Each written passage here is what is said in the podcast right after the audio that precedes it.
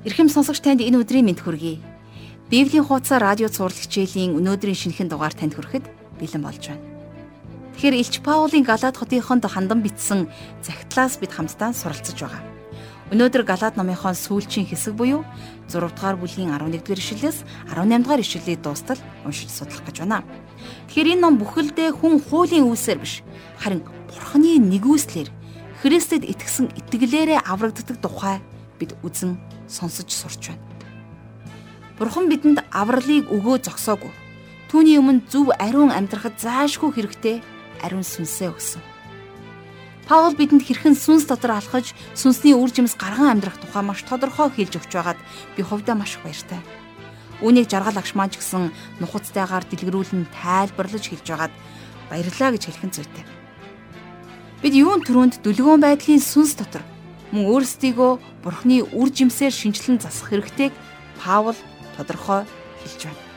Бас итгэлээрээ хамт алхаж яваа нэгнээ алдаж энтгт нь бурууг өгч цааш түлхэх биш. Харин өөрийгөө шинчлэн зассан шиг Есүс Христийн замуудад өөрсдийгөө бүрэн дүрэн зориулах байдал руу хайр, итгэлээр хөтлөн дагуулах хэрэгтэйг тэр сануулan хэлсэн. Мөний дагуу Паул сайныг үлдэхдээ зүрхшээхгүй байцгаая гэж та биднийг уриалж байна бас Библийн алдартай ишлэл болох хүн юу тарина түүнийг л хураана гэдгийг мөн Галаад номоор дамжуулан бидэнд хэлсэн. Тэгэхээр энэхүү гол зарчим бол та бидний амьдралын цаг мөч тутамд үйлчилдэг гэдгийг та битгий мартаарай. Тиймээс яг одооноос эхлэн өөрийнхөө болон бусдын ам амьдралд сайн сайхны үр жимсийг суулгаж зөвийг үлдэцгээе. Ингээд Галаад номын төгсгөл ирж байна. Паул бидэнд үргэлжлүүлэн үнтэй чухал зүйлээ хэлнэ гэдэгт итгэлтэй байна.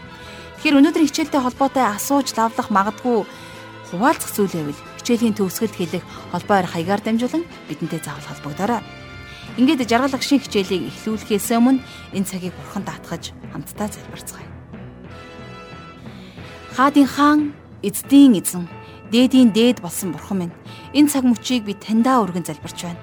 Өөрсдийнхөө зүрх сэтгэл сүнсэндээ эзэн таныг магтаж, эзэн танд талархаа гэж тунхаглаж байна. Тийм ээ та бидний бүх зүйл үлээ. Бидний зүрх сэтгэлийг, бидний ам амьдралыг хөтлөн дагуулж, хөдөлгөөн хөгжүүлдэг билээ. Та бидний аврагч. Танаас өөр аврал бидэнд байхгүй. Та биднийг өөрийнхөө тусаар золин авсан. Тийм ээ их эзэн минь биднийг өөрийн хүн болгон авч өрөөсөн. Таны хайр хязгааргүй агуу. Тийм ээ нөхцөл болцолгүйгээр хариу нэгтггүй хайр үлээ. Ариун сүнсээрээ дамжуулан биднийг зүрх сэтгэлд хүрч бидэнд та үгээ хэлээрэй. Инхүү бид ариун сүнсний үр жимстэй амьдарч энэ дэлхийд таныг алдаршуулан тунхаглахыг хүсэж байна.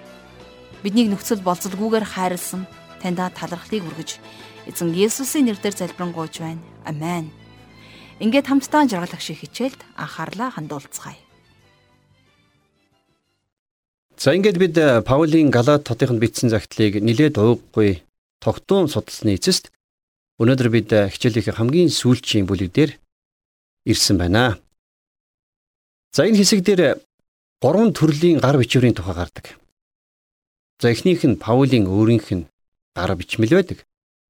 Энэ тухай хамтдаа Галаад номынхон 6 дугаар бүлгийг дэлгээд за 11 дугаар ишлэлээс эхлүүлэн уншъя. Би өөрийн гараар ямар шуу том үсгээр та нарт бичиж байгааг минь үз. За том үсгээр бичсэн гэдэг нь урт захиа гэсэн үг биш тийм ээ. Харин Галаад ном нийт 6 бүлэгтэй. За тэгвэл Паулийн Ром хотын итгэгчдэд хандан яг адил сэдвээр бичсэн захидал гэхэд 16 бүлэгтэй байсан. Тэгэхээр Галаад номыг урт захиа гэж хэлж болохооргүй юм тийм ээ. Харин том том үсгээр бичнэ гэдэг бол харааны асуудалтай хүний бичдэг арга барил.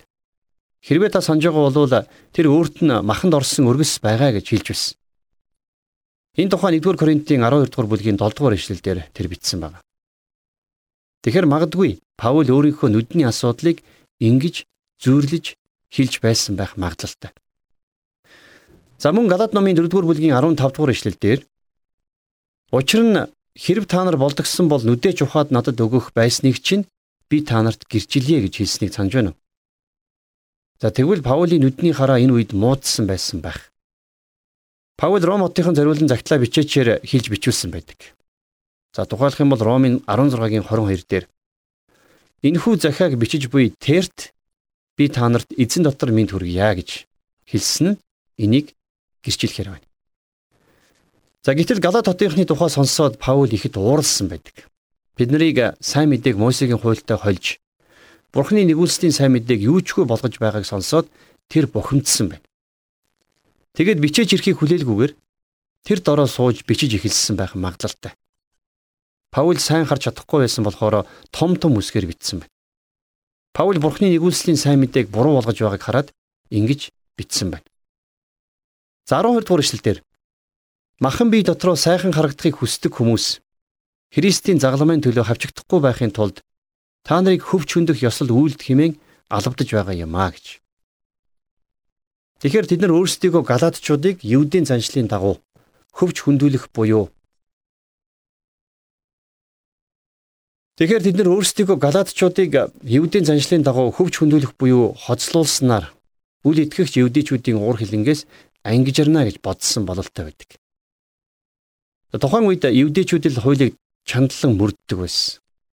Үнэн хэрэгтээ хэрвээ та хууль ёсчлон дагах тухай номлох юм бол асуудалд орно гэж байхгүй л дээ. Яагад гэвэл альва хууль журам нь хүмүүсийг хазаарлахын тулд өгөгдсөн болохоор хүмүүс энэнд их таатай ханддаг. Бид нар ч гэсэн өөрсдөө хүний олиггүй музанг нь хазаарлаж байх ёстой гэж үздэг шүү дээ.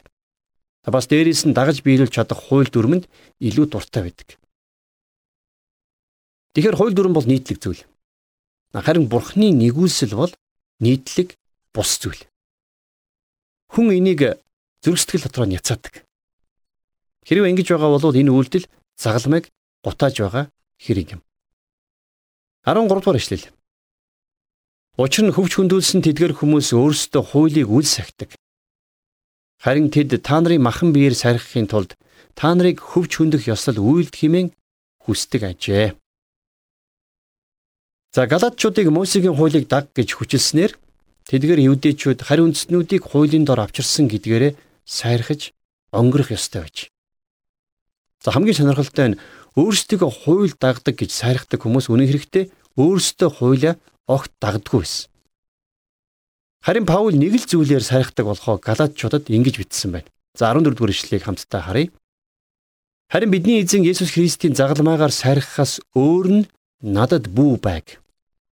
Түүгээр дамжуулан надад ертөнц би ертөнцид цовдлогдсон юм аа. Үнэхээр агуу гайхамшигтай тунхаглалыг Паул энд хэлж байна.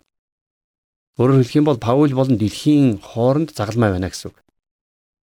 Өнөөдөр ч гэсэн олон итгэгчдийн амьдралд яг л ийм ойлголт итгэл үнэмшил байгаасэ гэж би хүсэж байна. Ингэх юм бол тэд нар үйл хөдлөлөө хүртэл хянах чадвартай болно. Тэгэхээр ямар нэгэн хууль дүрм дагдгаараа эсвэл аль нэг мундаг том сүмд хамрагддгаараа эсвэл сүмд хийдэг үйлчлэл хашдаг албан тушаалаараа хүмүүс сархах хэрэггүй. Өөр юугаарч биш зөвхөн загалмай дээрх яруу алдар болоод түүн дээр амиа өргөсөн тэр нэгнээр бахархан багтах учиртай. Үргэлжлүүлээд 15 дугаар ишлэл. Учир нь хөвч хөндөх ба хөвч хөндүүлэхгүй аль аль нь юу ч биш. Харин шин бүтээл нь л чухал юм аа. За энэ бол хоёр дахь гар бичвэлийн тухай ярьж байна. Хөвч хөнднө гэдэг евдэн шашин болоод хуулийн гар бичсэн. Хөвч хөндүүлснээр тэр хүнийг Авраамийн гэрээний дор орсон гэдгийг батлах гэрчилгээ болно. Энэ хизээч ашиг тусаа өгөхгүй. Ямар нэг нийгэмлэгийн гишүүн болсныг илтгэх таних тэмдэг зүйлд зүүх нь бол үнэндээ ямар ч утгагүй тийм ээ.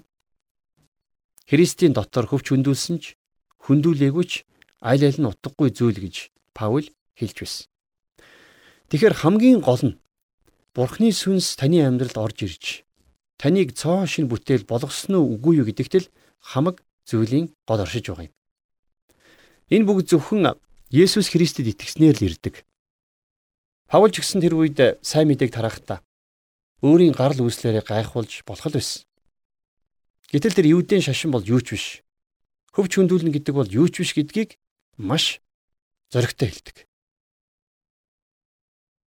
Зөвхөн ариун сүнсний бичээс амьдралд байж за бас шин мөн чанарыг өгдөг гэдгийг тэр чухалчлан хэлсэн байна. За ингээд сүүлчийн гар бичээс буюу гар бичмэл дээр бид ирж байна. Галаад номын 6 дугаар бүлгийн 16-аас 17 дугаар ишлэлдэр Энэ зарчмаар явагч хүмүүс болон Бурхны Израилийн дээр амар тайван өршөөлн байх болтугай. Үүнээс хойш надад хинч гай зовлон бүү авчраг. Учир нь би биедээ Есүсийн оромнуудтай билээ гэж Паул бичсэн байна.